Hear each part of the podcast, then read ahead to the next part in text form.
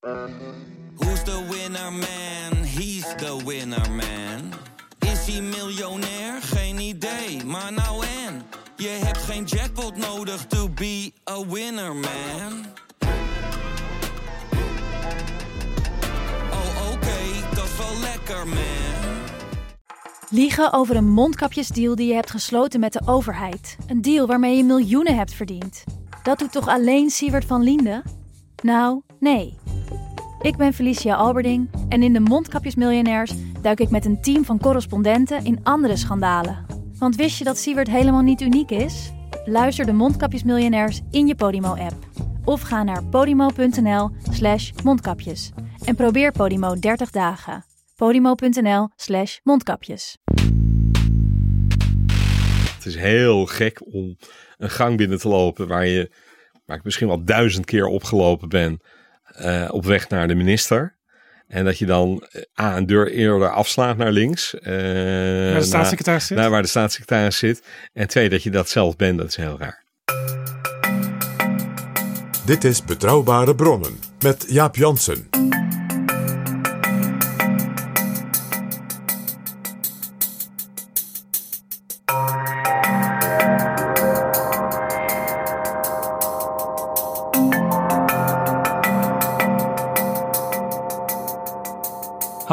Welkom in Betrouwbare Bronnen, aflevering 141.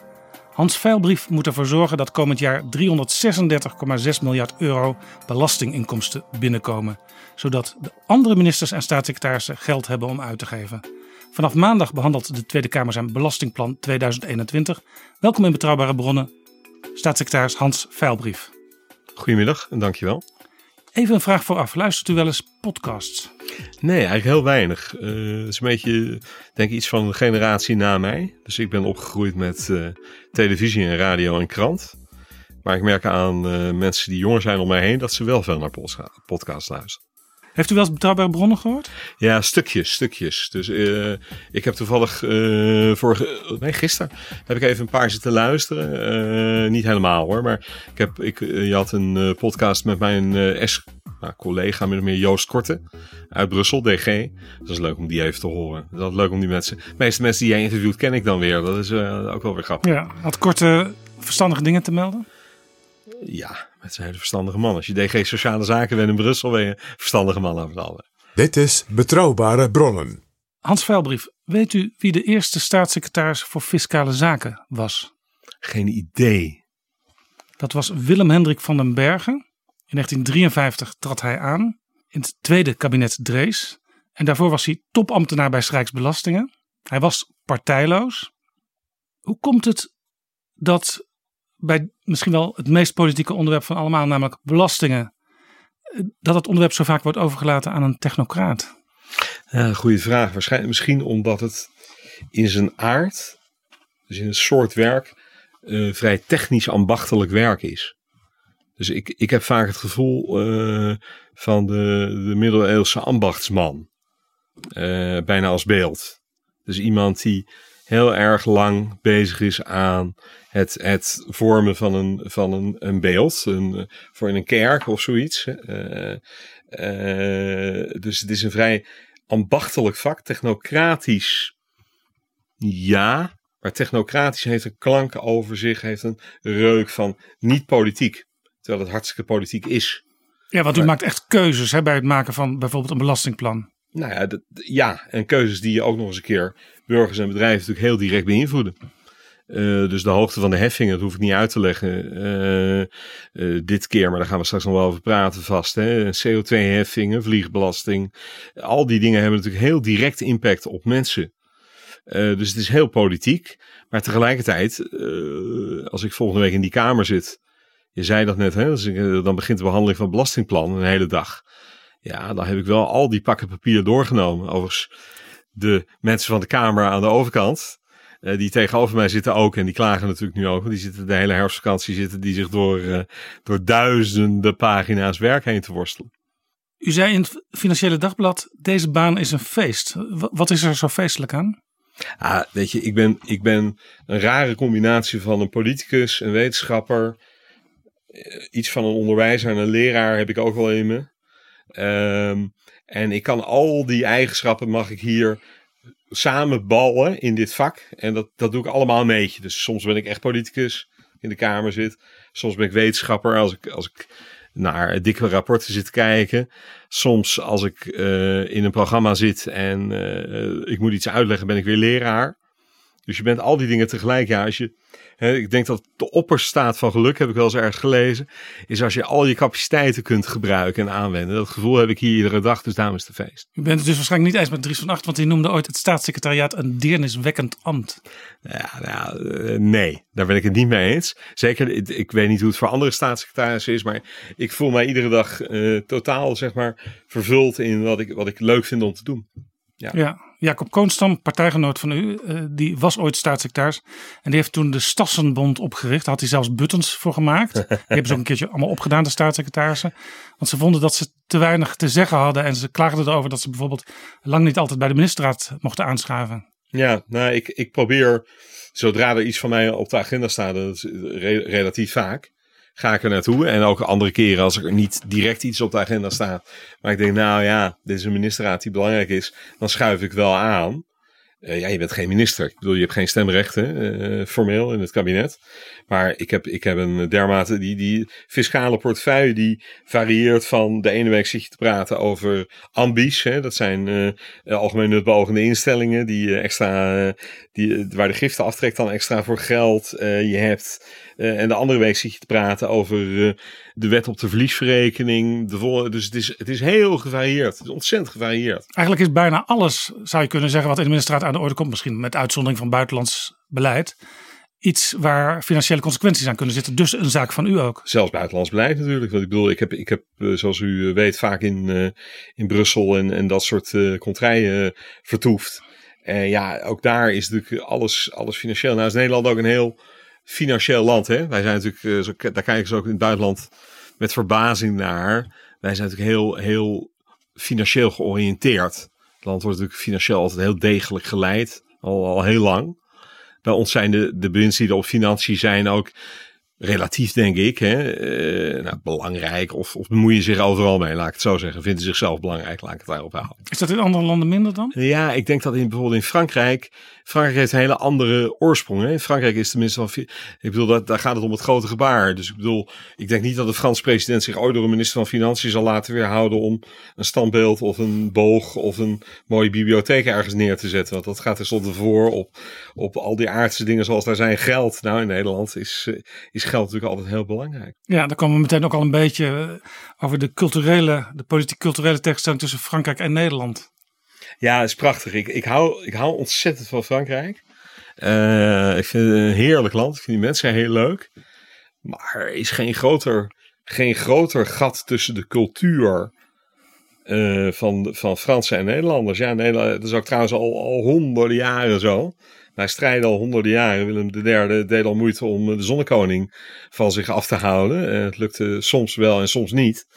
En Fransen kijken ook naar Nederlanders op de manier zoals wij naar Fransen kijken. Ze begrijpen het niet helemaal. Hè? Ze begrijpen het niet. Ze accepteren het, maar begrijpen doen ze het niet echt. Toen Jeroen Dijsselbloem de Eurogroep leidde, politiek, toen uh, was u uh, ook daarin zijn assistent. Uh, Dijsselbloem die schrijft in zijn boek, waar u ook bij betrokken bent geweest. U hebt het eigenlijk samen geschreven, als ja. ik het goed begrepen ja, heb. Ja. Uh, in het boek schrijft Dijsselbloem, ik zat een keer met Emmanuel Macron te, te, te praten te lunchen of te dineren. En toen besloot ik uh, ook maar meteen me aan te melden voor zijn Republiek en Marche. En nou, Macron uh, was zeer blij. Uh, ja. Hij schreef hem meteen in. Ja. Zat u daarbij en bent u toen ook lid geworden? Ik zat erbij en ik ben geen lid geworden. Oh, nee, terwijl, het eigenlijk... ja, terwijl de Republiek en Marche misschien wel dichter bij mijn partij zit. Ja, ze zitten ook samen in één fractie in het Parlement. Klopt. Ik weet eigenlijk niet waarom ik dat niet gedaan heb. Maar een typische Jeroen-actie was dit inderdaad. zo ging dat inderdaad, letterlijk ja. Zo ging het letterlijk. Macron was toen nog geen president. Hij was toen, denk ik, minister van Economische Zaken. Was ja, hij had net zijn partij opgericht. In dat, in dat kabinet. Hij had net zijn partij opgericht. En, uh, en zo ging dat gesprek, ja. Mooi, mooie herinnering. Prachtige ja. herinnering. Ontzettend drukke man. Ontzettend drukke man. Ik ben heel druk, maar deze man was echt continu in beweging. Continu in aan het praten. Hij praat ook echt met, zoals ik nu zit tegen, dat kan, kunnen luisteraars niet zien, maar met grote handgebaren. Heel Frans. Ja, luistert Macron ook voldoende? Dat weet ik niet. Dat weet ik echt niet meer. Ik bedoel, hij was vroeger zelf adviseur op de Elysée. Hè? Hij heeft heel lang in de soort positie gezeten die ik ook vervuld heb. En daar, ik kende hem ook wel uit die, uit die periode al. Het was toen al een bijzondere man, een bijzondere jongen. Uh, en of hij nu luistert, dat weet ik niet. Dat weet ik niet. Durf ik niet. Dat is vaak het gevaar voor een president in Frankrijk die ja, toch in de structuur van zijn, zijn, zijn positie wat van, boven het volk verheven is. Ja, dat klopt wel. Dat klopt wel. Hij is wel. Goed, hij blijft Fransman, hij blijft de Franse president. Ik vond wel, in alle keren dat ik hem ontmoet heb, vond ik hem een echte een, moderne president.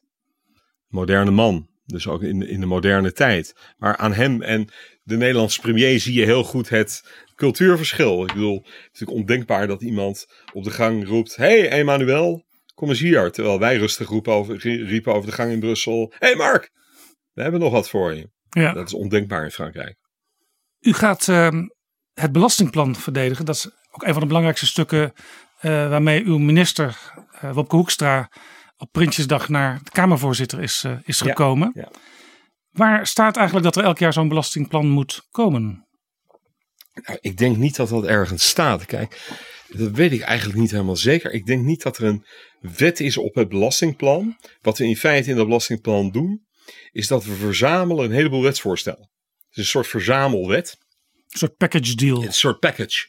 En om het nu nog ingewikkelder te maken, brengt de luisteraar in totale verwarring. Naast dat package liggen er dan ook nog een aantal losse wetten die meelopen bij de behandeling van het belastingplan. Uh, dus ik, ik probeer dat steeds te duiden, maar dat is in slecht, in slecht Nederlands zeg ik steeds. Ik heb het over het belastingplan proper. Dan heb ik het over dat pakket en daarnaast lopen er dus nog een aantal aparte wetsvoorstellen, zoals de CO2-heffing, de box 3 uh, aanpassing van de wetten. Die staan eigenlijk naast het belastingplan. Maar de belastingplan zelf is een soort verzamelwet. Er is in 2015 een motie aangenomen in de Eerste Kamer van het lid Hoekstra. Ja, ik ken hem eigenlijk niet. Wie is die man? Gaan we zo even opzoeken. Ja.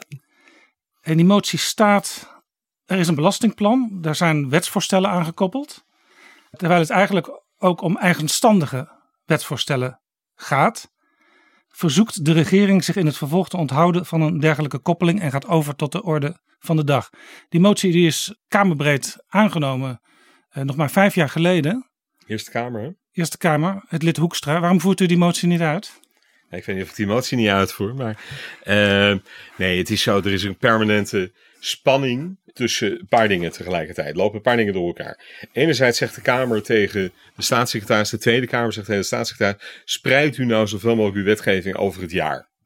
Nou, daar doen we echt wel moeite voor. Want dan kan de Tweede Kamer het behappen. want dan heb je tijd om het te behappen, et cetera, et cetera, et cetera.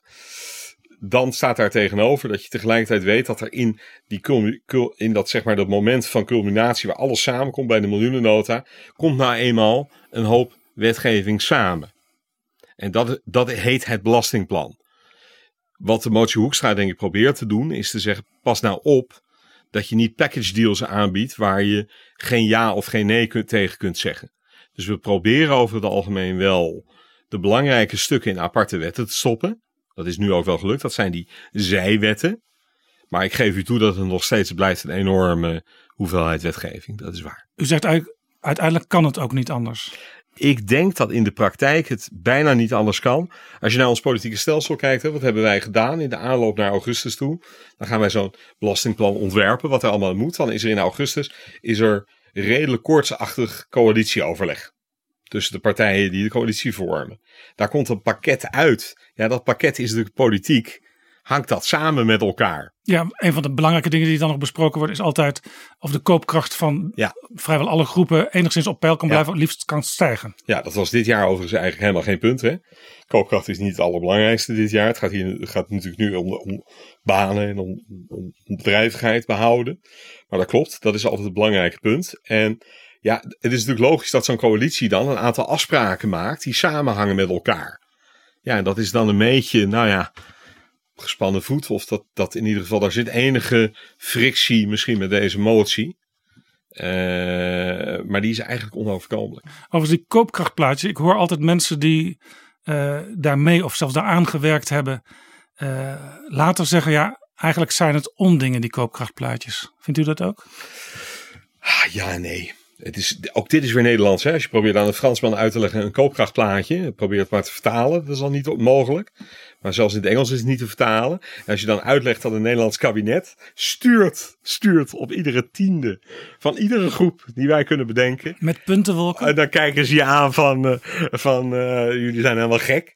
Uh, dus, maar weet je waarom het, het heeft zin in de zin dat het geeft je een indicatie. Maar dit jaar was het natuurlijk extra irrelevant, omdat nu de stap van geen baan of van wel een baan naar geen baan of geen baan naar wel een baan, is natuurlijk in een coronatijd nog veel belangrijker. Ja, en dan wordt het eigenlijk fictie, zo'n koopkrachtplaatje nou voor een heel jaar. Fictie, het bestaat wel, maar het zegt eigenlijk heel weinig over de koopkracht van jou en mij dagelijks. Daar zegt het weinig over, dat klopt. Het is meer een soort, soort ja, idee van wat zou kunnen gebeuren als alle omstandigheden gelijk blijven. Ja, dat staat er ook altijd bij. Hè? Dat zegt CPW natuurlijk ook netjes. Van ja, maar dit zijn plaatjes gemaakt waarbij mensen niet van positie veranderen, et cetera, et cetera. Ja, u wil het komend jaar ruim 300 miljard euro ophalen. Binnen dat bedrag is sinds 2008 de effectieve belastingdruk voor grote bedrijven fors gedaald. Ja. Ik heb een CBS-cijfer uh, ja. gezien. Uh, de belastingdruk voor grote bedrijven was eerst 23% en dat is naar 17% ja. gegaan. Betekent dit dat de burgers en de, de kleinere ondernemers meer belasting zijn gaan betalen? Ja, in relatieve termen wel, denk ik. Uh, dat moet bijna wel, het moet ergens vandaan komen. Het probleem wat, we hier, wat je hier tegenkomt is eigenlijk een heel diep economenprobleem. En dat is dat kapitaal uh, relatief mobiel is over de grenzen. Dus dat betekent dat als het ene land probeert om meer te heffen dan het andere land, dat het kapitaal makkelijk over de grens verdwijnt. En dan ontstaat, zoals uh, de term uh, race to the bottom, hè, dan ontstaat er dus op tarieven, bijvoorbeeld in de vennootschapsbelasting, druk naar beneden. Landen gaan met elkaar concurreren. Ze gaan met elkaar concurreren. En die tendens, die was er eigenlijk al heel lang. Al, ik werk ongeveer 30 jaar in Den Haag. Die is er al heel lang. Maar die tendens is versneld door globalisering en door allerlei andere politieke ontwikkelingen. Even opzij. Maar, uh, en daarom zie je deze uh, dit soort cijfers, dit zul je in andere landen ook zien, is mijn voorspelling. Uh, en de enige echte oplossing hiervoor is natuurlijk dat je onderling gaat coördineren. Dus als je als OESO-landen zou zeggen, ja wij willen dat niet, moet je met elkaar afspraken maken over een minimale winstbelasting. Dat is ook precies wat de OESO nu probeert te doen in een van de trajecten, belangrijke trajecten die er loopt om daar, om daar afspraken over te gaan maken. Ja. En dat gaat dan niet alleen om, om het nog even ingewikkeld te maken. Het gaat natuurlijk niet alleen over afspraken over tarieven. Maar je moet ook nog afspraken maken over de grondslagen. Hè, waar, waar, waar drukt de belasting precies op? Je zodat je de definitie gelijk maakt. Hè, zodat je een effectief tarief, ik denk dat de tarieven die u noemde, ik weet niet of het nominale tarieven of effectieve tarieven zijn. Maar zodat het effectieve tarief, hè, dat die gelijk wordt getrokken. Nou, dit is, dit is natuurlijk een hell of a job om dat op wereldniveau of op OESO-niveau te doen. Uh, maar het is wel waar je naartoe moet, ja. omdat je anders blijft dit doorgaan. En nou bestaat de OESO uit, zeg maar, uh, zo'n beetje alle rijke landen ja. van de wereld. Ja. We kunnen natuurlijk beginnen als Europese Unie. Zeker, zeker. Maar dan ontstaat er natuurlijk weer het probleem als de Europese Unie dat aan zich alleen doet. Dat er dan toch kapitaal van de Europese Unie bijvoorbeeld naar de VS kan lopen, of naar China, of naar Japan. Dus je wil of naar het Verenigd Koninkrijk of, nu. Of naar het Verenigd Koninkrijk nu, uh, vanaf 1 januari. Dus het is van belang om dat te proberen in OESO-verband te doen. Ik ben overigens zelf, maar goed, dat is gezien mijn achtergrond niet gek. Ik ben altijd de voorstander van als de OESO dit soort dingen niet kan, om dan maar op Europees niveau te beginnen. Uh, omdat het anders nooit wat wordt. Uh, die, die druk die is er dus. Dit is gewoon economische druk eigenlijk. Ja. Waardoor die tarieven ja. ja, maar ik had een tijdje geleden in Betrouwbare Bronnen Jan van der Streek te ja. gast. Ja. Uh, hoogleraar. Zeker. En uh, die zei dit ook. De EU moet minimumnormen stellen voor belastingheffing op multinationale ondernemingen. Uh, daar bent u dus eigenlijk helemaal met hem eens. Ja, en sterker nog, ik, ik, ik kan er misschien straks nog wel over te spreken. Maar een van de voorstellen die er ligt in, het, in, in het pakket belastingplan is de wet verliesverrekening.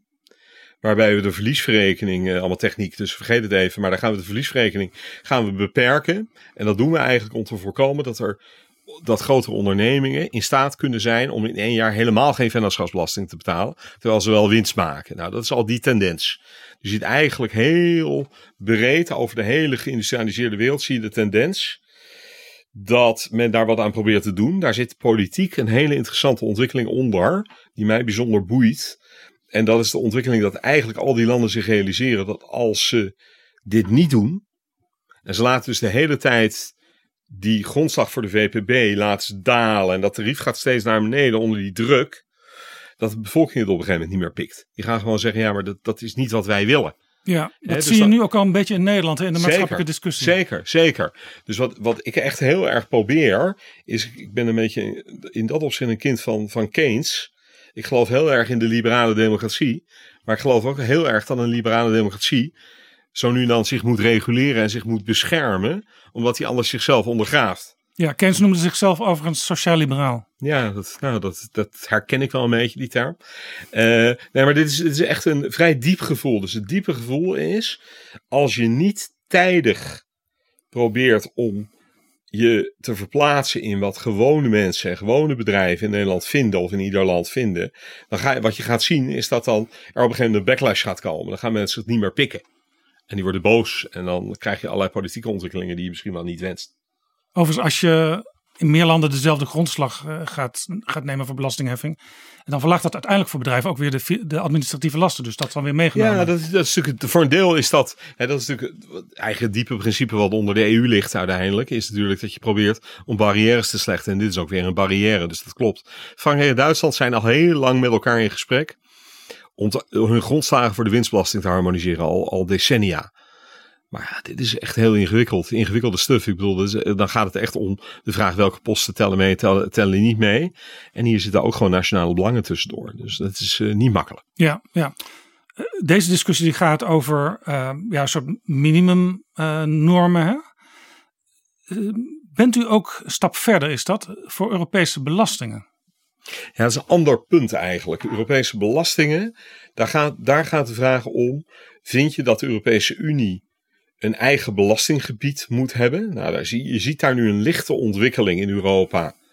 Dat men zegt, nou ja, misschien voor bepaalde soorten belastingen wel. Ja, want je ziet nu steeds een eh, discussie elke zeven jaar over eh, die 1% van het bruto nationaal product die de landen afdragen aan Brussel. En eh, dat is een enorm gedoe altijd tussen al die landen. En op een gegeven moment denkt, wordt er gedacht, ja, we komen er niet uit. Uiteindelijk komen ze er Altijd toch uit. tuurlijk. Maar die discussie zou je te kunnen vermijden door eh, ook rechtstreeks wat Nee, te zeker, zeker. Je moet alleen voor één ding uitkijken. Hè. We hebben natuurlijk in Nederland eh, eh, 400 jaar geleden, eh, iets meer dan 450 jaar geleden, goede of slechte ervaringen opgedaan met eh, iemand die van bovenaf, namelijk in dit geval de koning van Spanje, probeert om belastingen op te leggen. Philips II, daar is zelfs, eh, op- on- d- d- dat is is zelfs opstand- onze natie uiteindelijk daar zoals is die nu is daar is een opstand voor de, ten dele uit ontstaan. Dus je moet ontzettend uitkijken met je, je belastingheffing moet wel parallel lopen met je staatsvorming. Maar dat gezegd zijnd is het natuurlijk helemaal niet raar dat je nadenkt dat er sommige dingen misschien beter op EU-niveau belast kunnen worden. Ja, het is ook een kwestie van eh, psychologie. Hoe leggen wij het aan onze burgers uit? En het, is, en het is vooral ook een kwestie van, maar dat geldt voor de hele Europese Unie en de ontwikkeling daarvan, een kwestie van geduld. Ik, ik probeer steeds in ieder gesprek wat ik hierover voer, eh, steeds te zeggen, doe nou rustig aan met, eh, met laten we zeggen, de, de, de Europese ontwikkeling. Want als je rustig aandoet, als je rustig probeert om burgers mee te nemen waarom dingen verstandig zijn, heb je veel meer kans op succes dan dat je probeert dingen af te dwingen. U gaat mij nu met een, u pakt een, eh, een citaat. Ik, Ja, want ik zag eh, in hetzelfde boek waar ik het net over had van Jeroen Dijsselbloem, Ja. de eurocrisis. Ja. Daar staat een mooi, mooie tekst in. Het Europese huis werd steeds verder uitgebouwd. Nieuwe vleugels werden aangebouwd, dakkapellen geplaatst, bijgebouwen geopend. Maar de fundamenten werden niet verstevigd.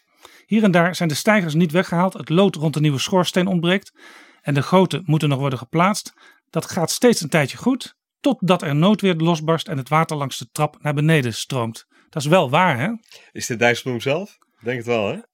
Het, het komt voor zijn rekening zijn ja, het is Dijsselbloem zelf. Nee, maar ik, moet, ik, ik schiet een lach omdat Jeroen en ik altijd het beeld gebruikten van ons in Europa als loodgieters. Wij gebruikten altijd hè, ook weer ambachtslui. Dus wij zeiden altijd van ja, wij zijn geen elitaire verheden. Nee, wij proberen gewoon die boel een beetje te laten draaien. Eh, en dat doen we door, eh, door zo nu dan eens een schroef aan te draaien met je Ed en Willem Bever. Was trouwens in, in België was dat eh, de bijnaam van premier Jean-Luc De Dehaene. loodgieter. De loodgieter. Prachtige, prachtige bijna. Eh, en dit, dat, dit past daar een beetje bij. Dit klopt wel. Als je probeert om Europa te snel, en nu even serieus, als je deze, dit, dit citaat, hè, te veel vleugels te geven, te groot te maken. Terwijl de basis hè, nog niet helemaal oké is. En zeker de basis bij de bevolking.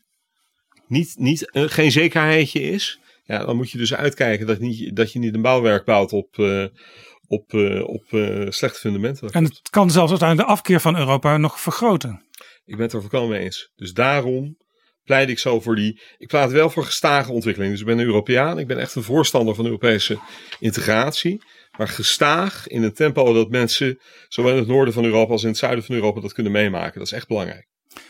Maar als ik u goed beluister, gestaag dus, komen we uiteindelijk wel in, een, in wat je zou kunnen noemen een politieke unie terecht.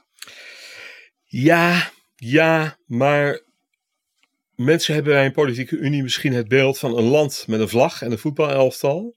En ik gebruik daar vaak het woord confederatie voor. Het kan wat mij betreft een losser verband zijn dan een land. Ik voel mij niet verbonden met Europa in de zin van de emotionele band die ik heb met het Nederlands elftal.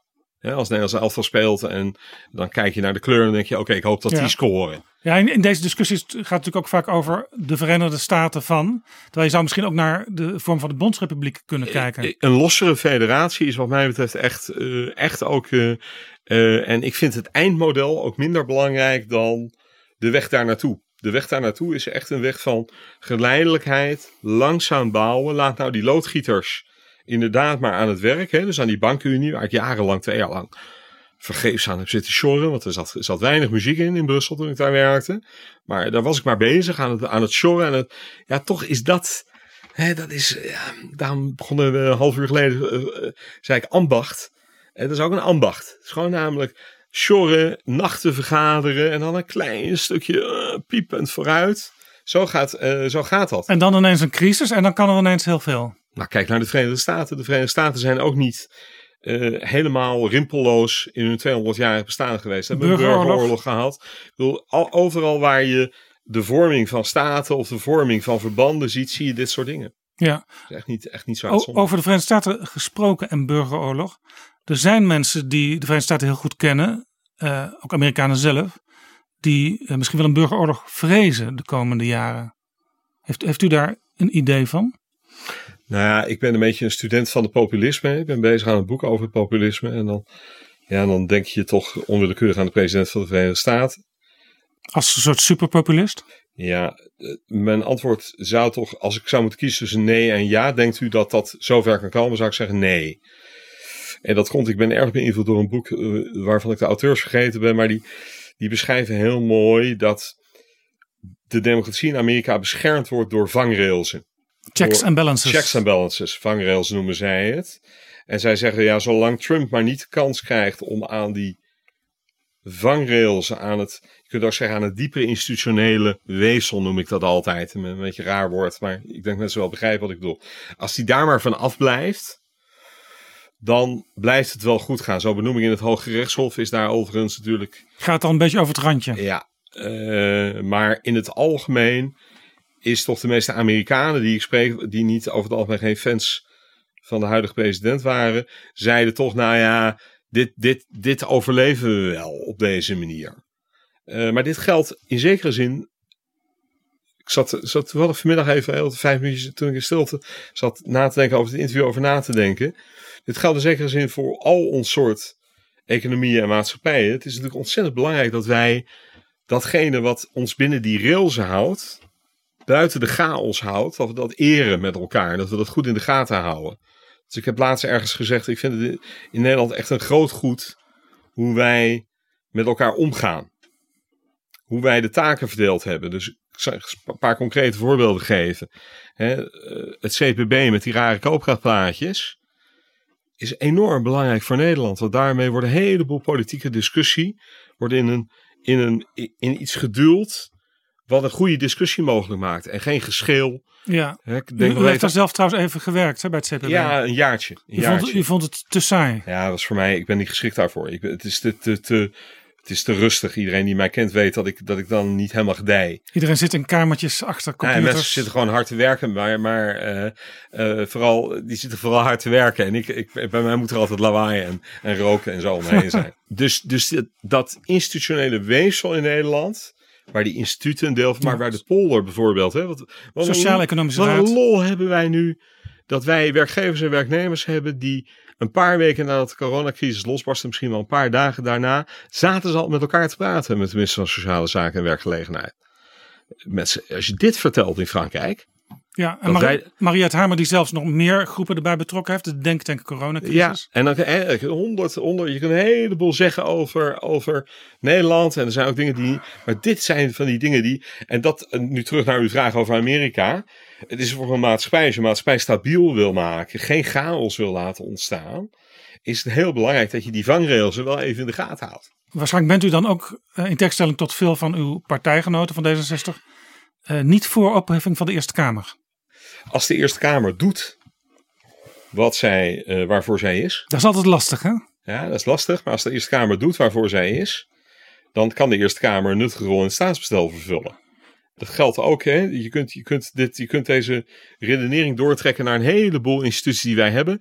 Van de zomer viel mij op, of wanneer was dat? Toen er zo ontzettend getwijfeld werd aan de sommen van het RIVM. Over de stikstof ging dat, dacht ik toen.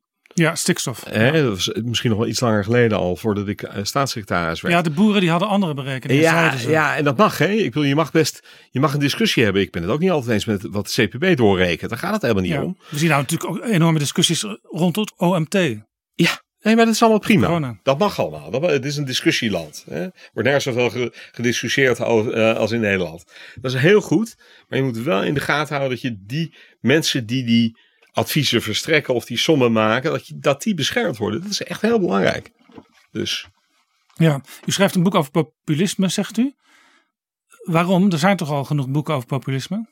Ja, maar ik had een idee. Ik had een idee en ik, je verbeeldt je altijd dat jouw idee het beste is. Eh, maar ik, ik had het idee, en dat, daar gaat het boek over. Het boek gaat over de vraag waarom populisme juist opkwam. Populistische partij in Nederland, maar het geldt ook in zekere zin in andere landen. Terwijl het economisch eigenlijk best goed gaat. Dus wat een heel opvallend punt in Nederland is dat de opkomst van Pim Fortuyn samenging met de overvloed van Paars 2. Ja, Eh, ja op het en- eind van Paars 2 begon het wat terug te lopen overigens. Zeker, zeker. Maar het was zeg maar zijn, zijn grote hè, 2001, grens naar 2002. Toen, toen eh, kon het geld, eh, hè, was, was er genoeg. Klotste tegen de plinten, zoals wij zoals zeggen. En toch kwam dat populisme op. En ik, ik ben dus enorm geïnteresseerd in de vraag waar dat dan vandaan komt.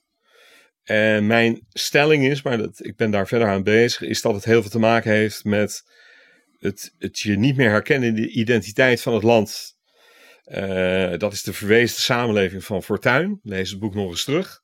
Zeg maar, het heimatgevoel is er niet meer. Ja, je, kunt, je hebt een eh, beroemd boek over Amerika, wat heet Stranger in Our Own Land. Dat gaat over hetzelfde punt. En eigenlijk gaat het boek helemaal over de vraag: is dat een verklaring? En hoe hangt dat dan samen met economie? Hoe hangt dat samen met migratie? Ja, dat boek was ongeveer voor de helft klaar toen ik als staatssecretaris werd gevraagd. Toen daarna heb ik niet heel veel vrije tijd gehad, dus ik ben niet opgeschoten. En nu had ik mij voorgenomen deze herfstvakantie daar heel hard aan te gaan werken. Maar ja, ik ben aan het werk. En, en eh, gaat u in het boek ook eh, een advies geven, misschien ook wel aan uzelf, van hoe blijven we eh, met alle Nederlanders in gesprek? Nou, een, een van de dingen die ik. Maar ik ga er verder niet veel over zeggen, want dit stuk moet ik nog af, afmaken. Als het, als het boek klaar is, dan eh, nodig ik u weer uit. Kom, kom ik graag vertellen. Maar een van de dingen is die ik denk zelf, is dat we ontzettend moeten oppassen dat groepen in de samenleving niet te veel langs elkaar heen gaan leven. En dat er met een duur woord geen, geen te zware stratificatie tussen groepen gaat optreden. Dus een van de dingen waar, eh, waar ik mij wel zorgen over maak, waar mijn partij zich ook zorgen over maakt, terecht denk ik, is het punt van eh, niet van de ongelijkheid op zich, maar van het feit dat je heel moeilijk uit een positie komt die achtergesteld is. Je kunt het ook anders formuleren. Dat mensen die het goed hebben, dat bijna overerfbare voordelen worden die die mensen Ja, krijgen. het, het klimmen op de maatschappelijke ladder neemt ook af de laatste Ja, nou ja, ik geef daar altijd jaren. het voorbeeld, eh, wat in, in het boek ook zal terugkomen. Het voorbeeld van mijn vader, die eh, met lagere school zijn eigen bedrijf opzette en daar heel veel geld mee verdiende. Eh, in de Hij had jaren- een frisdrankbedrijf. ja, een frisdrankbedrijf, ja, 60, 70, 80. En de vraag is, kan dat eigenlijk nog? Kan je nog van een dubbeltje een kwartje worden? En er zijn aanwijzingen dat dat in Nederland minder wordt. Overigens zie je, voor de, er zijn een paar landen waar het nog veel moeilijker geworden is dan de VS. Zit daar een verband met het opkomend populisme in de Verenigde Staten? Het feit dat die groepen dus, groepen als je eenmaal geïsoleerd bent in een, in een zwakke groep, hè, dan kom je er ook heel moeilijk uit. Uh, er zijn ook heel veel Amerikaanse auteurs, en het interesseert me bijzonder, die zeggen ja, de meritocratie. Hè, dus u en ik denken, of jij en ik denken, nou wij zitten op deze verheven posities omdat wij zo hard werken en zulke ontzettend intelligente mensen ja, zijn. Dat is ook een beetje een idee wat in D66 heel erg heeft pot. Zeker, zeker, zeker, zeker.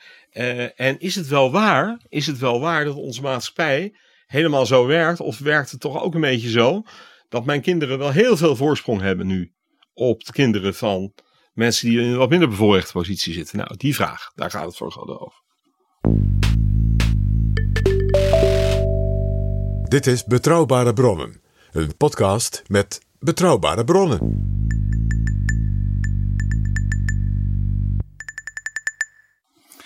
We gaan eventjes weer naar de harde werkelijkheid van uh, alle dag. De belastingen zeker. Ja, u heeft de BIC geïntroduceerd, de baangerelateerde investeringskorting. Daar was heel veel kritiek op, uh, vooral vanuit de linkse oppositie. Ja. Van wat is dat nou? Uh, eerst was er een plan om de vennootschapsbelasting te verlagen. Nou, dat gaat niet door. Maar dan komt dit twee jaar lang voor in de plaats. U zegt, ja, het woord zegt het al. Tenminste, ik vul het even voor u in hoor. Baangerelateerd. Dus uh, we doen dit in de coronatijd om uh, mensen aan het werk te houden of te helpen.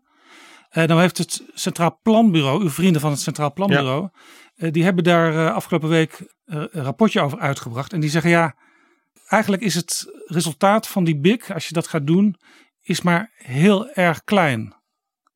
Denkt u dan niet, uh, moeten we dit wel doen? Het is, misschien mag ik, mag ik het inleiden met een korte terugblik op de algemene politieke beschouwing en de algemene financiële beschouwing. Wat je zag in de algemene politieke beschouwing is dat fractieleiders vooral dit politiek verpakten en zeiden, nou, dit is een cadeau aan het bedrijfsleven. En Dijkhoff zei nee hoor. Ja, het VNO-fonds, zei Jesse ja, Klaver. Ja, ja, ja. Allemaal, allemaal, het, zo werd het geduid. En de andere kant van de politiek zei nee, dat is helemaal niet waar. Dat is echt nodig. En tijdens de algemene financiële beschouwing had, hadden de Kamer en ik, denk ik, eigenlijk in mijn termijn een uitstekend debat over de BIC. Uh, waar ik geprobeerd heb aan te geven wat het idee van het kabinet is. Het idee van het kabinet was in een, uh, in een, in een economie zoals wij hebben, zijn investeringen zijn cruciaal. Investeringen zitten op een soort draaischijf tussen korte en lange termijn.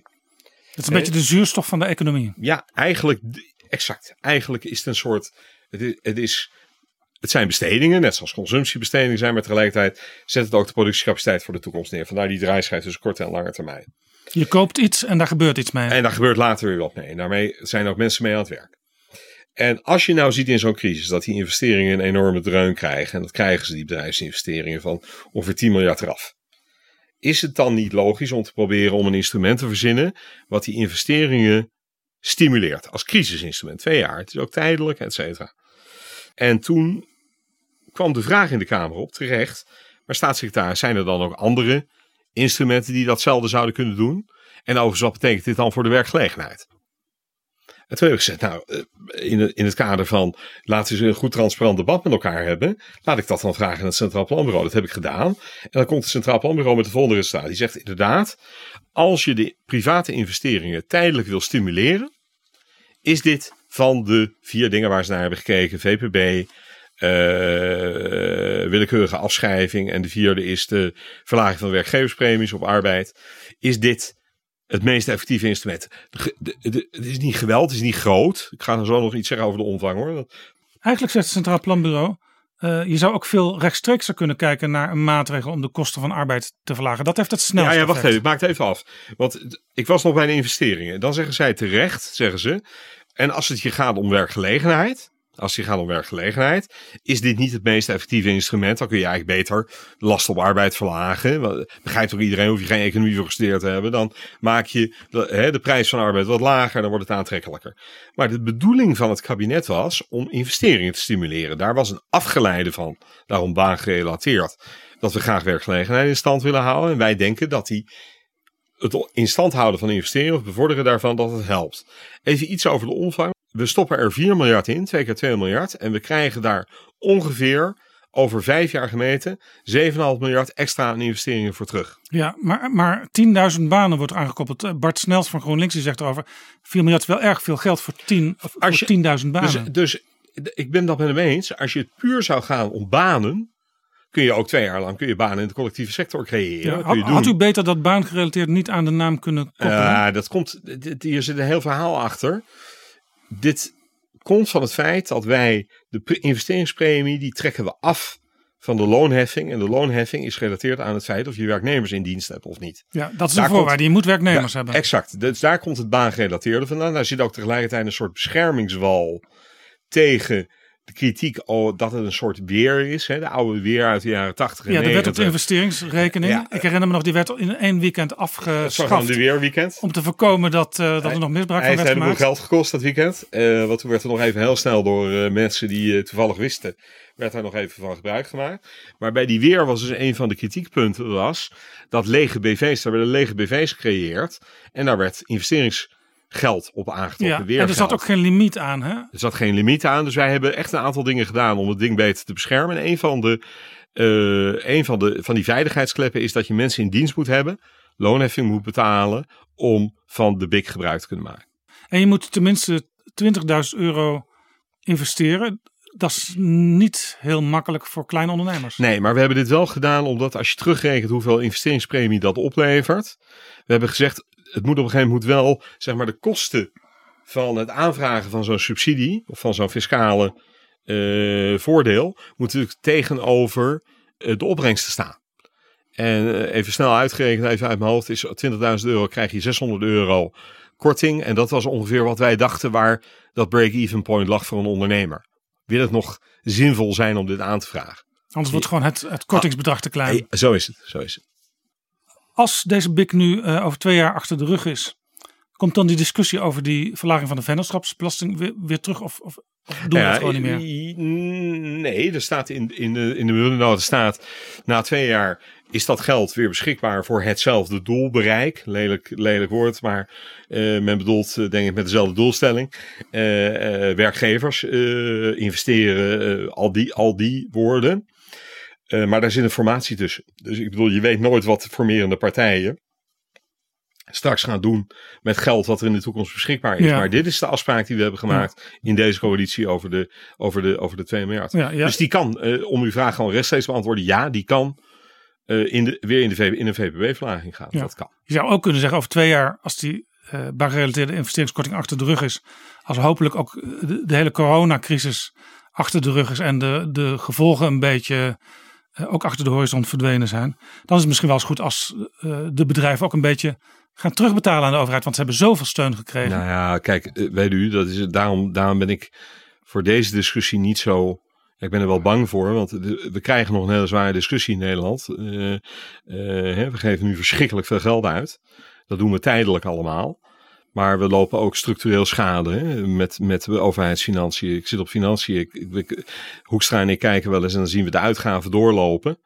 En we zien dat de economie niet gegroeid is. Dus ja, dan kun je Ja. ongeveer uittellen wat er op langere termijn gaat gebeuren. Het eerste gewoon- idee van Hoekstra ook, was ook, we gaan dit voor drie maanden doen, dan misschien nog een keer drie maanden. Maar inmiddels zitten we alweer Ja, veel daarom- langere termijn te Daarom, we zitten echt in een scenario waar het langer duurt. Dus ik denk dat een, een komend kabinet echt financieel het nog heel, heel zwaar gaat krijgen. Eh, dus, en zo moet je dit ook allemaal zien. In dat licht moet je dit voorzien. Ja, op Prinsjesdag werd natuurlijk uitgegaan van een CPB-scenario, zoals er altijd eh, van wordt uitgegaan. Krimp dit jaar, eh, weer groei, procent of drie volgend jaar. Ja. Zijn we inmiddels van dat toch enigszins te verteren scenario af en is het zwarter aan het worden? Moeilijk te zeggen. Moeilijk te zeggen. Ehm, ben niet voorzichtig omdat ik, omdat ik het niet durf hoor. Maar het, het is echt, echt moeilijk te zeggen. Het CPB had, dacht ik, in de MEF ook al een scenario, in de macro-economische verkenning al een scenario staan waarbij een tweede lockdown. En Ja, maar daar keek eigenlijk niemand naar. op nee, dat daar keek moment. niemand naar, omdat we dat toen niet. niet eh, de- we zaten niet in die, in die mindset, om het maar even in, in lelijk Nederlands te zeggen. Ja, ik denk wel dat, dat je heel kort kunt zeggen. eh, de kans dat het beter wordt dan dat scenario van het CPB lijkt me heel klein. Eh, omdat we gewoon toch in een scenario, in, in, in een wat, wat minder positief scenario zijn terechtgekomen qua het sluiten van delen van de economie. Dat is gewoon een feit. Uh, of dat echt betekent dat we dan afglijden naar dat andere scenario, dat, dat, daarom ben ik zo voorzichtig, dat durf ik gewoon echt niet te zeggen. Ik denk dat CPB dat ook niet zelf zal durven zeggen nu. Daarvoor moeten ze gewoon meer weten. Ze moeten weten hoe lang het duurt. Ja, even een ander onderwerp. U werd staatssecretaris nadat uw partijgenoot Menno Snel was afgetreden Ja. vanwege de kindertoeslagaffaire. Ja. Eh, voor hem in de plaats kwamen twee staatssecretarissen, ook Alexandra van Huffelen. Zeker. En zij houdt zich nu speciaal met die, die uitvoering van die toeslagen bezig. Hoe was het om in uw allereerste debatten al meteen met al die ellende geconfronteerd te worden? Mm, zwaar. Ik vond het heel zwaar. Dat is het eerste woord als u. Ik, ik ben associatief mens, dus ik bedoel, u vraagt mij hoe was het? En dan denk ik aan het woord zwaar. Ik vond het debat wat we begin maart hadden over de Belastingdienst zwaar. En waarom vond ik het nou zwaar? Niet om, of vanwege de kritiek, daar had ik totaal op gerekend.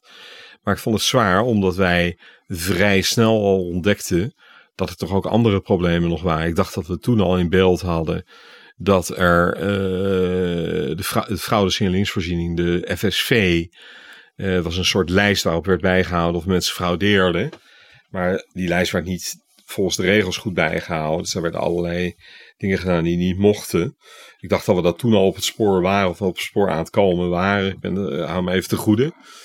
Maar wij ontdekten dus gewoon bij iedere kast die we opendeden, laat ik het nou maar zo zeggen, kwam je het volgende probleem tegen. Ja, en, en dat uh, gebeurt eigenlijk nog dagelijks. Hè? Er vallen nog steeds lijken uit ja, de kast. Nee, ik doe, ik, ik, ik, laat ik het zo zeggen, nu de kast open doe, dan blijf ik net staan. Dan, dan komt er wel iets op me af. Dus het wordt wel echt wel beter. Maar het wordt beter in de zin dat de hoeveelheid nieuwe dingen kleiner aan het worden is. Dus dat is op zich wel bemoedigend.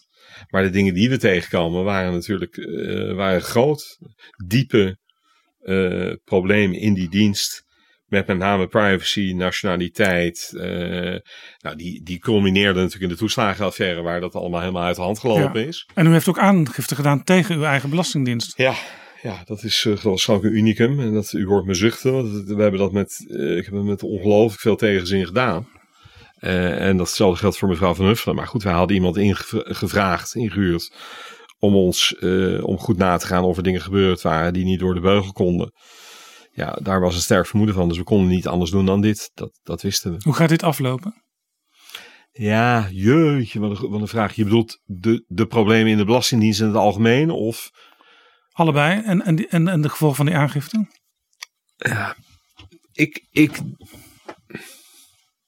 ik denk zelf dat het echt kan dat de Belastingdienst binnen afzienbare termijn, en dan moet je denken aan eerder aan, aan een jaar, weer echt wel de weg naar boven kan vinden. Omdat het zijn allemaal dingen die uiteindelijk reparabel zijn. Het heeft te maken met hoe goed ga je, ga je om met privacywetgeving. Hoe zijn onze interne checks en balances voor elkaar? in die hele grote organisatie, die hele grote machine die heel veel geld moet binnenhalen om al mooie dingen mee te doen. Ja, u, u, u zegt eigenlijk er is een verkeerde cultuur ontstaan en die kan gerepareerd worden. Ja, maar, kom maar maar, uh, dat kost tijd. Het kost heel veel uithoudingsvermogen van iedereen die erbij betrokken is. Allereerst die mensen in de Belastingdienst zelf. Ja, het probleem is als je bij de Belastingdienst werkt en daar werken heel veel mensen, ja, ja. dan is het toch lastig uh, om met je buren een gesprek te voeren over je werk. Ja, ja, ja. nee, tuurlijk. Het is nu, ik bedoel, als je nu zegt ik werk bij de Belastingdienst. Tien jaar geleden hadden ze waarschijnlijk gezegd, nou kun je me wat minder brieven sturen, maar verder werk je bij een prachtige organisatie.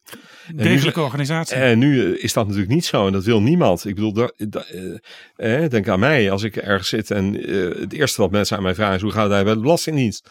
en ehm, dus ja, ik, dat is voor, het is allereerst voor die mensen niet makkelijk.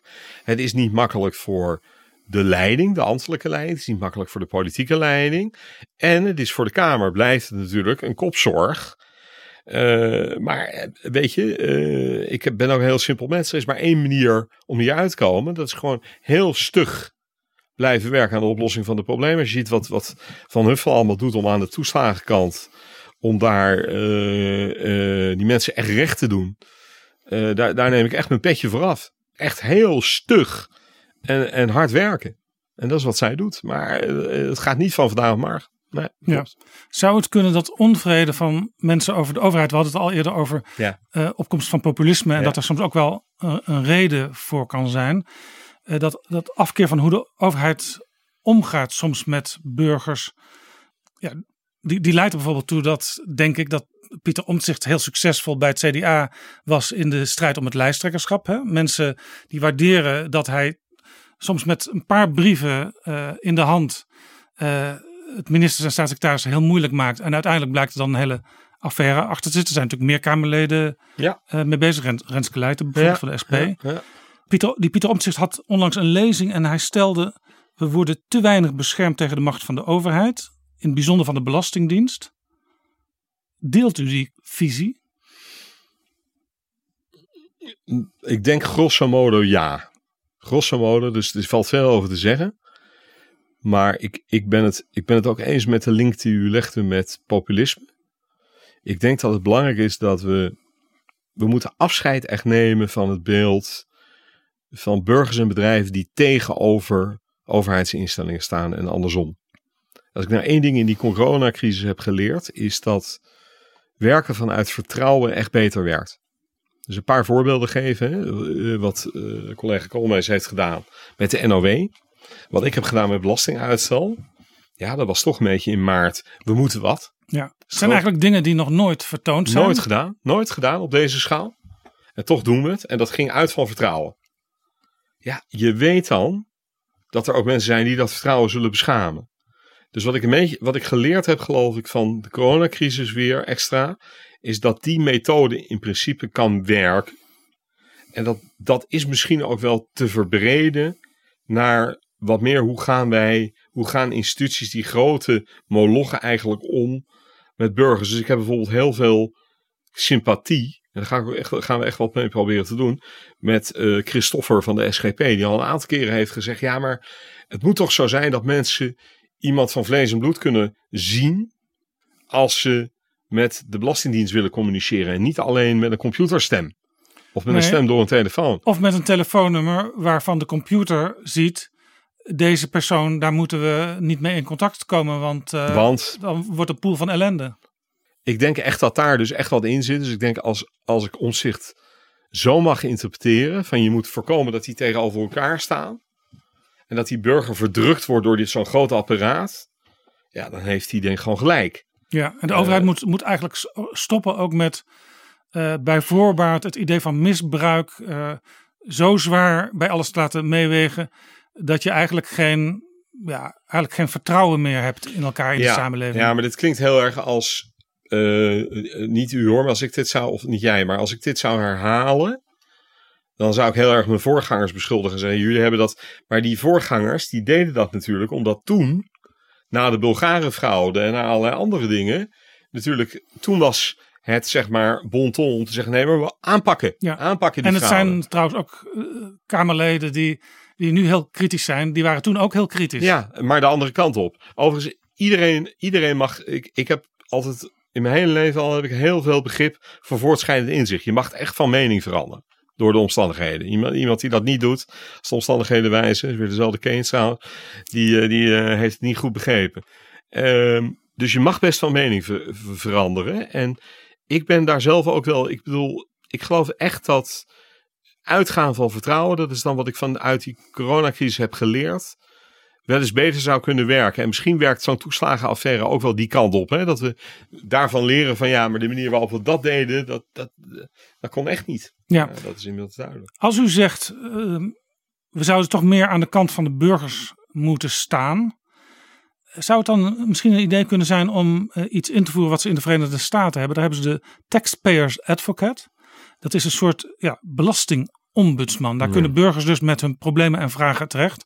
En als het echt serieus is, dan gaat die, die advocate aan de overheid vragen: wat is hier aan de hand? En desnoods uh, start hij een procedure. Ja, ja ik dacht dat het uh, Kamerlid uh, Slootweg van het CDA was die dit heeft gevraagd. Ik dacht niet in het debat met mij, maar met de minister, met minister Hoekstra.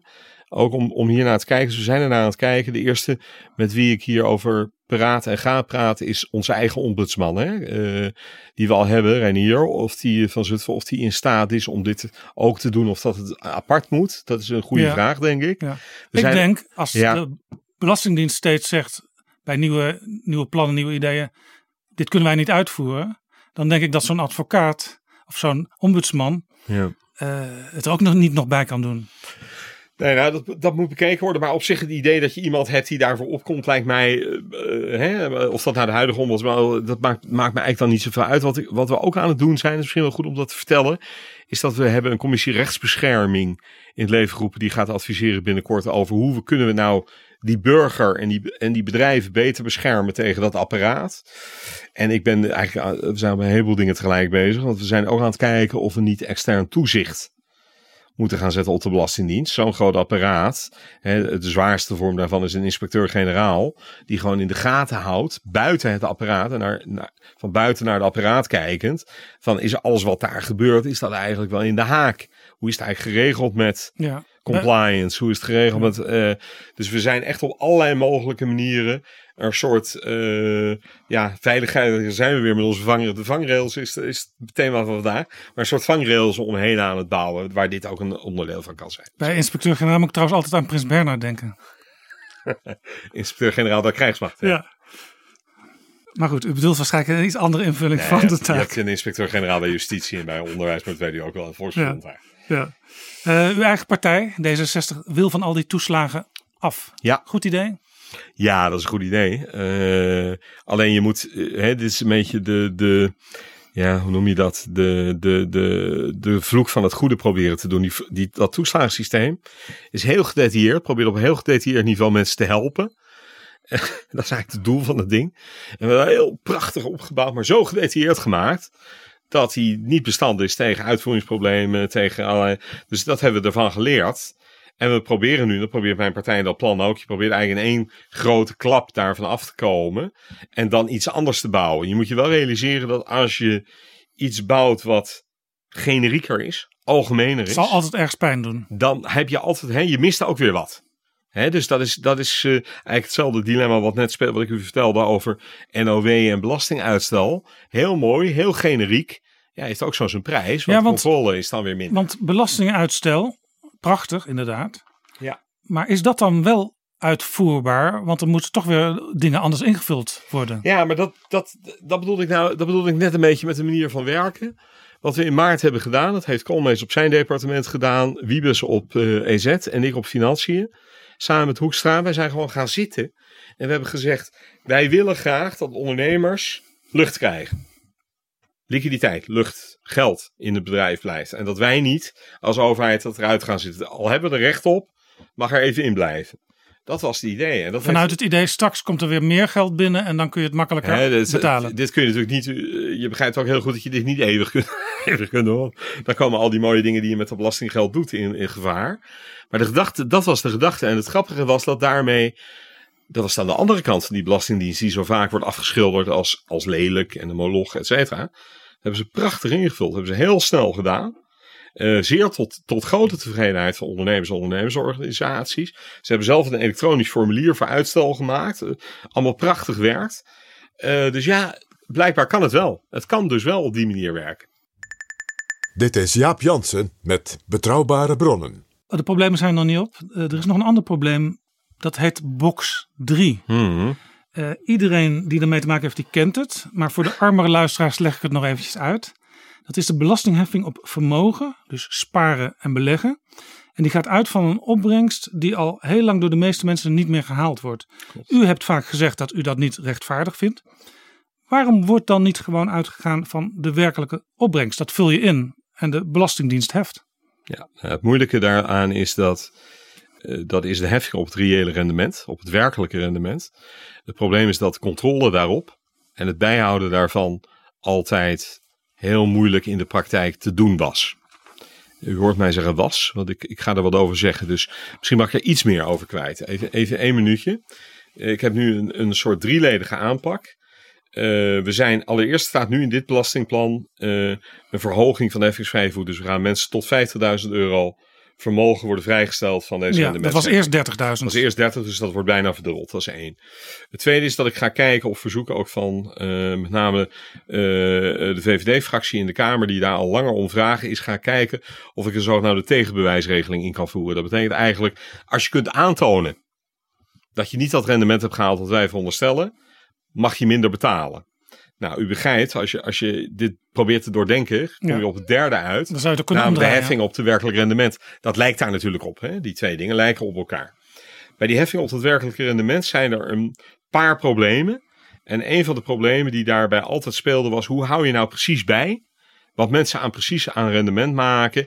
En hoe zorg je dat mensen daar niet enorm kunnen zwendelen? Ja, zeker als ze Eh, heel veel verschillende soorten Ja, beleggingen of, hebben. Of van het ene naar het andere switchen op het laatste moment, zodat we het niet goed meten. Mijn stelling is dat met de moderne ICT en met alles wat banken kunnen, het ook zo zou moeten zijn dat de overheid zou moeten kunnen bijhouden met moderne, moderne eh, apparatuur, zullen we maar even zeggen, in, in, in ouderwetse termen, zou, goed zou moeten kunnen bijhouden dat zit. Daar laat ik nu een onderzoek naar doen. Als het antwoord daarop is wat ik verwacht, ja, dat kunnen we inderdaad wel met moderne spullen, is de volgende vraag: kunnen we dat dan ook laten uitvoeren door de Belastingdienst? En daar, op die, op die vraag hangt het dan. Maar ik denk als die data, die gegevens er zijn. En ik kan mij niet voorstellen dat die er niet zijn. Dat dit in de praktijk zou moeten gaan kunnen. En dan zouden we een doorbraak hebben. Want dan zouden we kunnen gaan heffen op basis van werkelijk rendement. En dan zijn we van deze, eh, dit, deze box 3, van dit box 3 gedoe af. Ja, Eh, niet morgen, zeg ik erbij. nee. Niet morgen. Eh, Kees van Dijkhuizen, oud-thesaurier-generaal, Ja, ja. die heeft ooit een eh, rapport geschreven. En daar kwam box 3 ook in voor. Nou hoorde ik het verhaal dat hij het hoofdstuk over box 3 had hij genoemd diefstal. En naar verluid heeft Jeroen Dijsselbloem, die toen minister was, gezegd... ja, de titel van dat hoofdstuk, die moet echt anders. Vindt u het dief, diefstal wat er eh, gebeurd is tot nu toe met box 3? Nee, nee, dat kun je niet zeggen. Dat je heft. Nee, dat, dat is. Kijk, dan is, eh, dan is de hondenbelasting ook een diefstal. Dan is ook eh eh, vaarbelasting een diefstal. Nee, Belasting- maar hondenbelasting, je hebt een hond of je hebt geen hond. Nee, dat, klopt, dat klopt, dat klopt. Maar je, heft, je, heft, je hebt een bepaalde basis. Waar, waar het onrechtvaardige element in zit, is niet zozeer in de veronderstelling van het rendement. Waar de onrechtvaardige element natuurlijk in zit, is dat mensen zeggen: ja, maar ik heb helemaal dat rendement niet gehaald. Ik heb gespaard. En daar zit het onrechtvaardig in. En dat begrijp ik. Dat begrijp ik. Overigens hebben we nu terugkijkend, toch maar even naar de diefstal toe. Terugkijkend, ik heb vorige week een brief naar de Kamer gestuurd waar ik. Ja, u, zegt, basis- u zegt daarin, ik ga niet met terugwerkende Nee, kracht ik ga niet eh, compenseren. repareren. Want als ik het diefstal had gevonden, had ik dat waarschijnlijk moeten doen. Eh, maar dat gaan we niet doen. Maar we gaan wel proberen om het. Laat ik, het dan, laat ik het dan iets, iets eh, laten we zeggen, netter formuleren. We gaan het proberen rechtvaardiger te maken dan het nu is. Dat is echt mijn doel. En daar kunnen mensen ook op vertrouwen. U was zo'n beetje uw hele leven ambtenaar Zeker.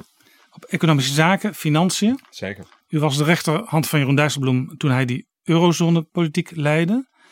Eh, daarna werkte u zelf twee jaar als eh, voorzitter van de, van de ambtelijke werkgroep, de Euro-werkgroep. Ja. Die functie werd ook wel eens eh, de onderkoning van de eurozone genoemd.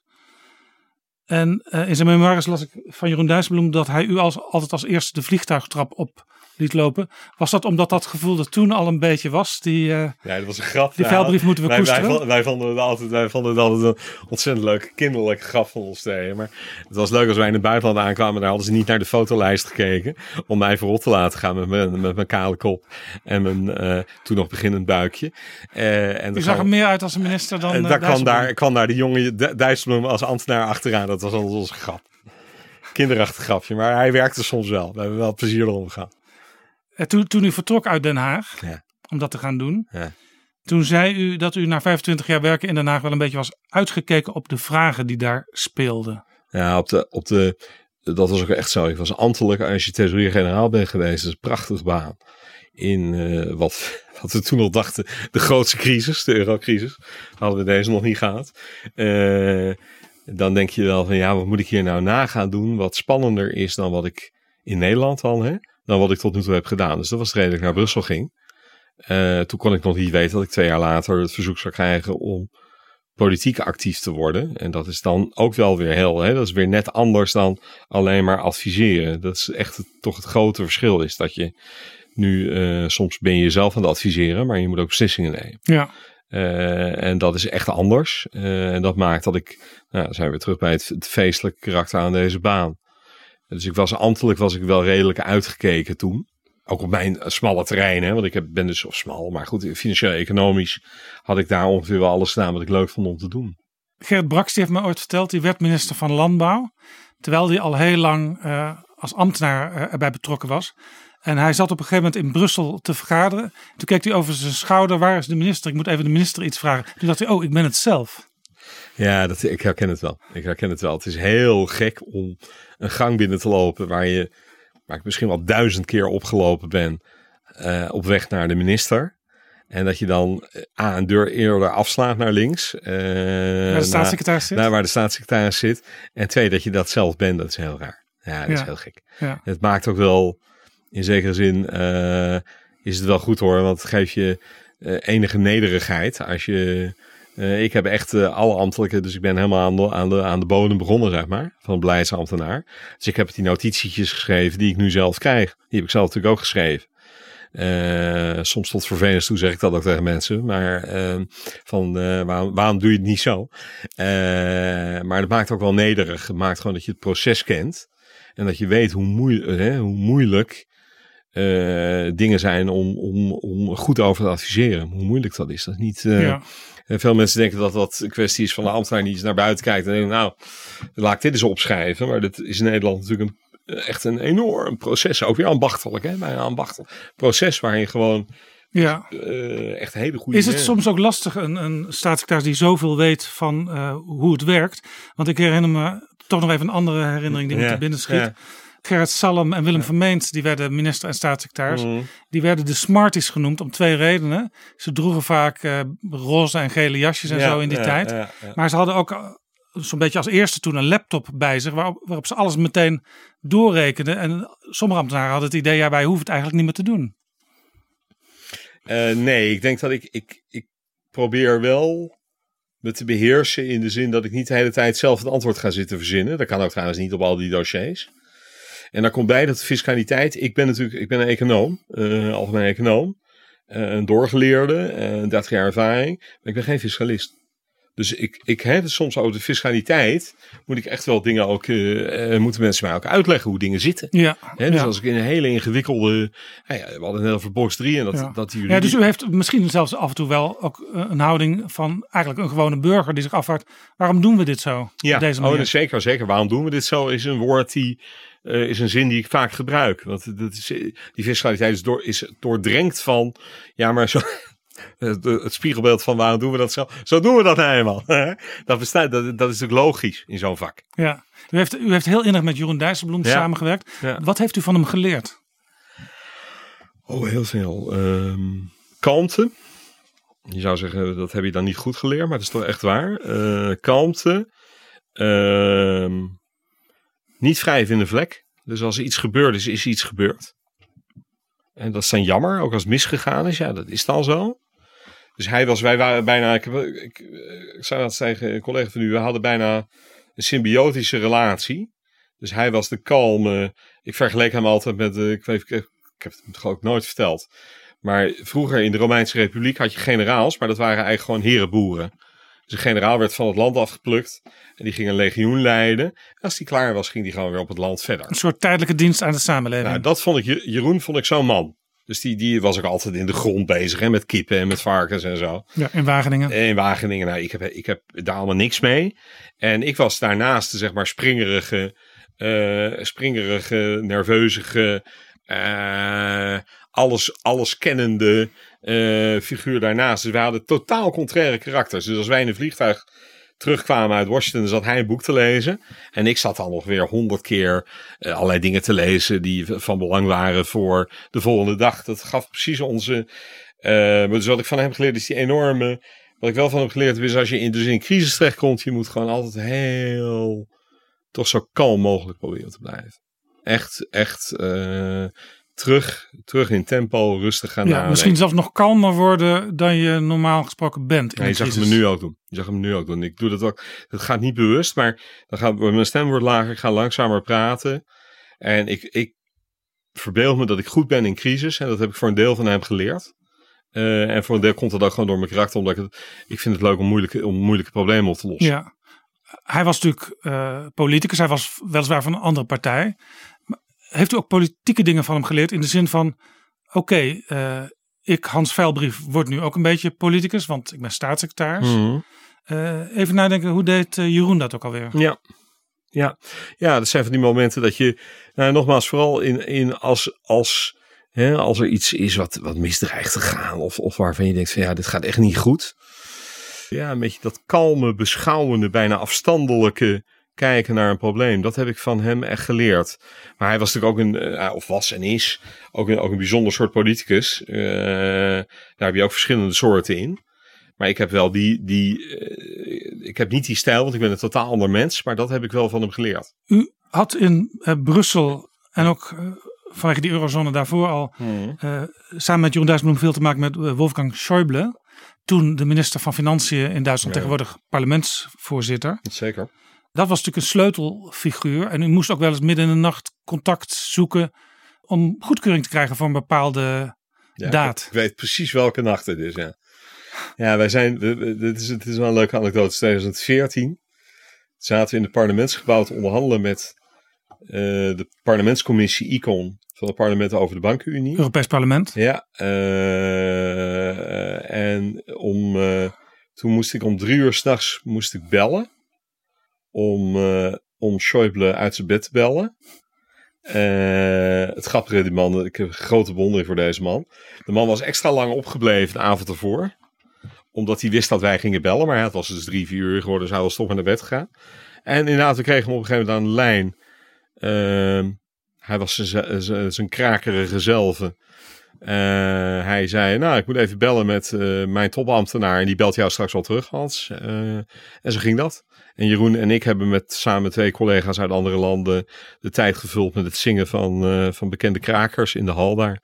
Met z'n vieren. En toen uiteindelijk kwam het jaarwoord. En dan, uh, dan komt om vijf uur, zo was ons leven toen. En dan kwam om vijf uur of zo belde die van, nou ja, nou, dat kan dan wel zo op die manier. En wat zongen jullie toen in de tussentijd? Volgens mij If You Leave Me Now van Chicago. Want daar werd ook nog rekening mee gehouden dat het uiteindelijk zeker, zou zeker, lopen. Zeker, maar dit het was ongeveer het genre, genre jaren 70, jaren 80. Uh. Of ging dat over Janus, uh, Janus Varoufakis, die in die tijd minister van Financiën van Griekenland was? De Janus Varoufakis, nee, daar gaan we het niet over hebben. Het was een leuke middag. Ik kan me voorstellen dat uw, uw drift die probeert in te tomen, dat die bij hem wel eens... Uh, zeker het metertje deed uitslaan. Zeker, zeker, zeker, zeker. Zeker. Ik werd, ik werd, ik, ik werd en word kan ontploffen. En dan zat die, zat die uh, stoïcijnse Duitsland, die Romeinse generaal zat voor mij. En die zat dan een beetje uh, nors en stuurs te kijken. Dat was ook kwaad natuurlijk. Maar uh, ik, ik kon dat natuurlijk allemaal weer niet maskeren.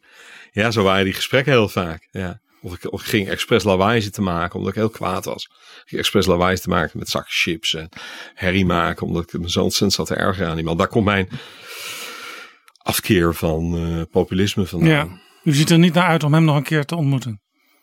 Nou, het, het is een hele, het is een hele. Ach, ik weet het. Ik, ik bedoel, ik heb die man. Ik heb hem, ik heb hem nog nooit in zijn privé meegemaakt, maar het is een hele. Weet je, uiteindelijk gaat het in de politiek erom wat je in de politiek doet. En deze man is gewoon mede verantwoordelijk voor het bijna ten gronde richten van het land. Uh, daar heb ik geen enkel respect voor. Nee, en hij, was, hij zat met zijn hoofd in theorieën, maar de praktijk uh, ja, in, the in theorie, hij, hij doseerde een uur lang marxistische economie. ook nog met zijn eigen variant. en daar moesten wij dan naar luisteren. En daarna bleek dat hij niks had gedaan om zijn land te helpen. Ja, dan dacht ik altijd van ja. Dus nee. Nee. Ik had grote bewondering over zijn opvolgers. Uh, uh, Tsakalotos uh, was net zo links, net zo marxistisch. Ja. En de premier ook. Uh, maar was wel iemand die echt opkwam voor het land. En Tsakalotos, die, die mag echt voor mij een standbeeld ja. op, het plein krijgen. En toen kon u ook afspraken gaan maken. Ja, maar die man was, was gewoon een hele... Daar kon je gewoon, als je daarmee afsprak, volgende maand doen we dit. Dan had hij het of gedaan of hij legde uit dat hij het niet kon doen. Maar het, je kreeg niet eerst een uur lang meerwaardetheorie uh, om je oren. Uh, dat, dat, dus dat, ja. We zitten, we zitten in Europa. U, u, had het eerder in het gesprek al over dat je soms ja, heel erg veel geduld moet hebben. Wil je dingen verbeteren in het Europese systeem? Zeker, je moet de zeker. mensen wel meekrijgen. Zeker. Als je kijkt naar peilingen over hoe Nederlanders denken over Europa, dan zien mensen in het algemeen uh, zeker de voordelen van de, de Europese samenwerking, zeker ook van de binnenmarkt. Maar toch hebben Nederlanders ook soms last van buien van euroskepsis.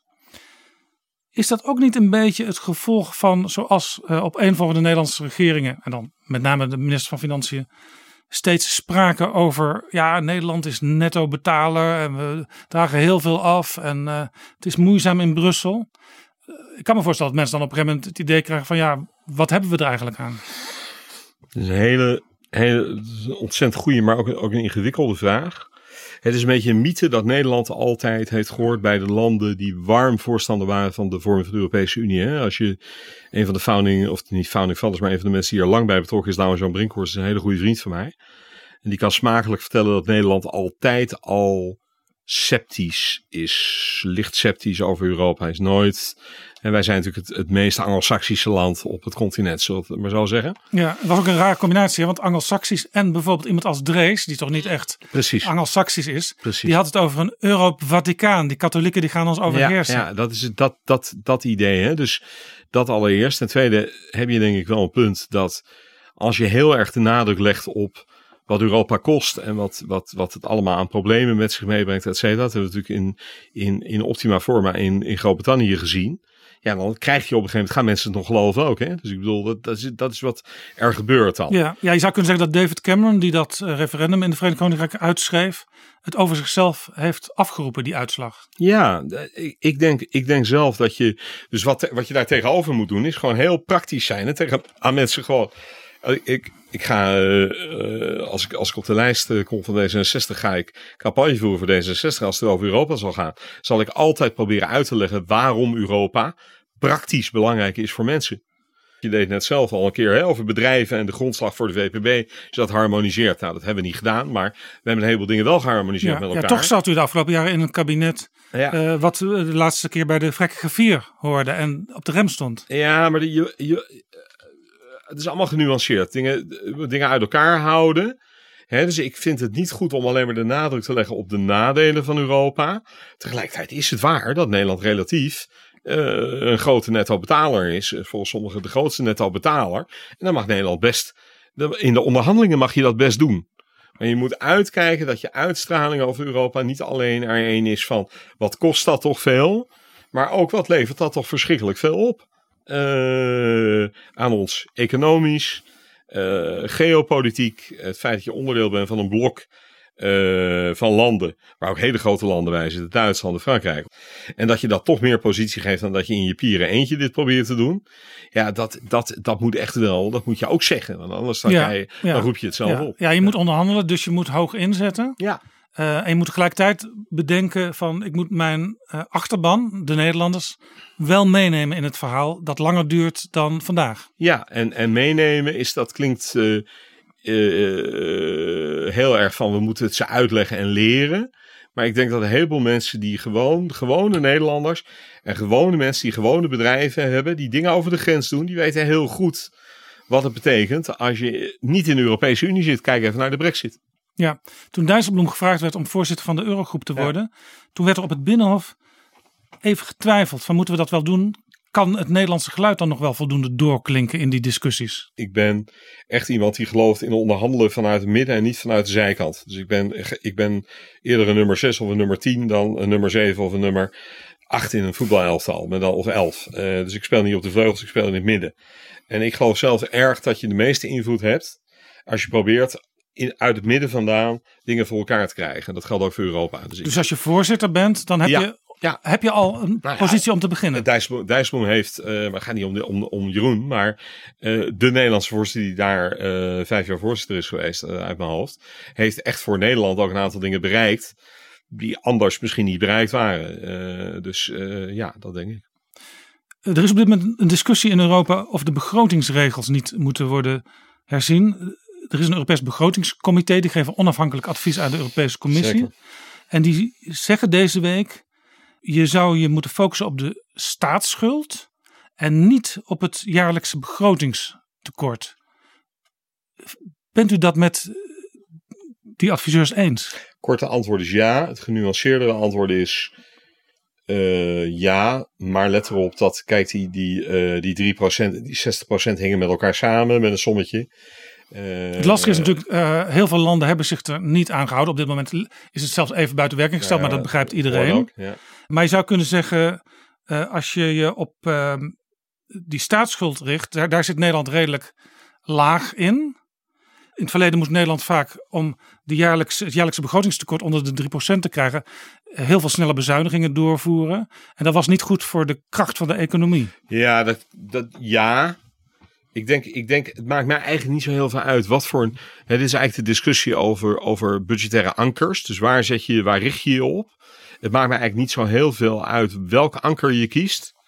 Wat veel belangrijker is dan welke anker je kiest, is je moet iets kiezen op Europees niveau dat voor landen ook handhaafbaar is. Wat we hebben gehad de afgelopen 10, 15 jaar, is toch dat je ziet dat heel veel van die regels met voeten werden getreden. En dat werkt gewoon niet. Dat is begonnen met Duitsland en Frankrijk in 2005. Eh, Het was eigenlijk one size fits all. ja, en, en dat werkt niet. Dus we moeten zoeken naar. Dus je kunt zoeken naar een regel. En ik kan me voorstellen dat je dat aan de, aan, aan de hand van de staatsschuld doet. Dat landen wat meer ruimte geeft. Maar in essentie is er, dat zeg ik altijd maar, er is geen alternatief voor gezonde openbare financiën. Hè? Dus welke regel je ook doet, uiteindelijk zul je gezonde openbare financiën moeten hebben. In en je moet elkaar ook kunnen aanspreken en, als ja, landen. en ook in Italië. Dus dat, dat verandert, daar verandert een regel niks aan.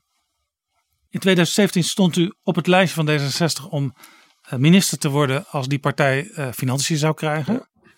Nou was de kans denk ik niet erg groot, want ja, derde partij in het spel. En financiën is al- nogal gewild. Dat ging toen niet door. En toen werd u ook gepolst voor eigenlijk de positie waar u nu op zit. Toen Ja. zei u nee. Waarom? Ja, het was een andere situatie. Toen, toen had ik een, was ik eigenlijk vrij ver met Europa. Ik was vrij ver met het denken over Europa. Toen zat ik in de mindset die u net een half uur geleden aanhaalde. Namelijk, wat is er eigenlijk nog te doen? En ik wilde eigenlijk weg. Ik wilde wat anders gaan doen. En ben ik gaan doen. En dat was echt anders dan toen ik nu in januari werd gebeld. Want toen eh, had ik dat twee jaar gedaan. En was de vraag... Ik vond de uitdaging zo groot die in januari er lag. Dat ik dacht, ja, als ik nu nee zeg dan eh, denk ik als ik straks in, eh, in eh, Huizen Avondrood zit, denk ik, je had toen hè, mede vorm kunnen geven aan Nederland en je hebt dat niet gedaan. Waarom heb je dat eigenlijk niet gedaan? Ik kon toen nog niet weten dat er weer een nieuwe crisis zou komen. Dat is een soort, ik, ik trek crisis aan, denk ik, of crisis trekt Mhm. mij aan. Als ik dat had geweten, had ik het nog. Ik bedoel, ik had nu, het klinkt misschien heel gek, maar ik had het nu niet fijn gevonden om in Brussel te zitten. Of ik had in Nederland gezeten, dat kon natuurlijk niet in Brussel werken. En in mijn oude positie te zitten en dan naar het Nederlandse beleid kijken en daar geen onderdeel van uit te maken. Had ik heel moeilijk gevonden. Ik vind Ja. wel- dus ik ben heel blij dat ik dat, Ja. dat, dat nu gewoon ja is Ja. geweest. Ja. Iets doen voor het land. Dat was ook wat Hans Wijers ooit eh, zei toen hij eh één periode minister van Economische. Zaken werd. Ja. U, u werkte toen met hem samen. Ja, dat was in 1994 toen hij kwam. ja. U werd zelf lid van D66 in 2008, veel later. Ja. Waarom niet al eerder? Ja, ik, was, ik, ik, ik stemde een beetje tussen, tussen PvdA, VVD en D66 in. Niet raar als je D66er bent. Eh, en eh, Niet erg trouw. ja hoor, want steeds, steeds eh, ergens ertussenin, zal ik maar zeggen. Eh, en ik denk dat het- setje, het laatste zetje gaf eh, Brinkhorst. Ik heb, ik heb drie jaar met Brinkhorst gewerkt. En dat is een fantastische man überhaupt. En een fantastische inspiratiebron. En toen dacht ik, eh, ik heb toen de, de teleurgang meegemaakt natuurlijk in Balken en de twee. En alle gedoe in de partij. En toen dacht ik in 2008, ja, je bent, hoe oud was ik toen? Ik was toen 45 of zo. Ik dacht, nou, je bent nu oud genoeg om eh, nu maar eens een definitieve keuze in je leven te maken. En nu zelfs kandidaat voor de Tweede Kamer. Ja, maar dat heeft ook echt, dat gelooft niemand, bijna met wie ik spreek, maar dat heeft echt met leeftijd te maken. Ik ben 57. Wat kan mij nog gebeuren? Ik ga gewoon, ik ga gewoon de Kamer in. De hoogste ambt van het land, vind ik echt. Hoogste ambt. Je bent eh volksvertegenwoordiger. Eh, je kan eh, wat doen voor mensen. En wat kan mij nog gebeuren? Ik, ik heb prachtige banen gehad. Dus ik ga dat en ik, ik, ik heb heel veel ervaring. En de Kamer kan denk ik ervaring gebruiken. Dus dat is de reden. Zien we u dan ook niet meer terug als staatssecretaris of minister? Ja, dat weet, je, dat, dat weet je nooit. Als me dat gevraagd wordt, dan gaan we daar weer over nadenken. Maar er zijn een heleboel eh, hordes te nemen. Laten we eerst proberen verkiezingen te houden. Eh, dan moeten we veel zetels, heel veel zetels krijgen. Eh, dan moeten we meedoen in de formatie. En dan moet ook Veilbrief nog gewend zijn op een post. Nou, dat zijn zoveel stappen dat ik voorlopig me even richt nu op nu staatssecretaris zijn. En daarna een goede campagne voeren. U weet dat het gebruikelijk is in de Tweede Kamer dat een oud bewindspersoon niet meteen het woord gaat voeren over zijn eigen terrein. En welk, welk terrein wilt u gaan doen straks? Nou, dat lijkt me duidelijk na dit gesprek Europa. Dank u wel voor dit gesprek. Dank u.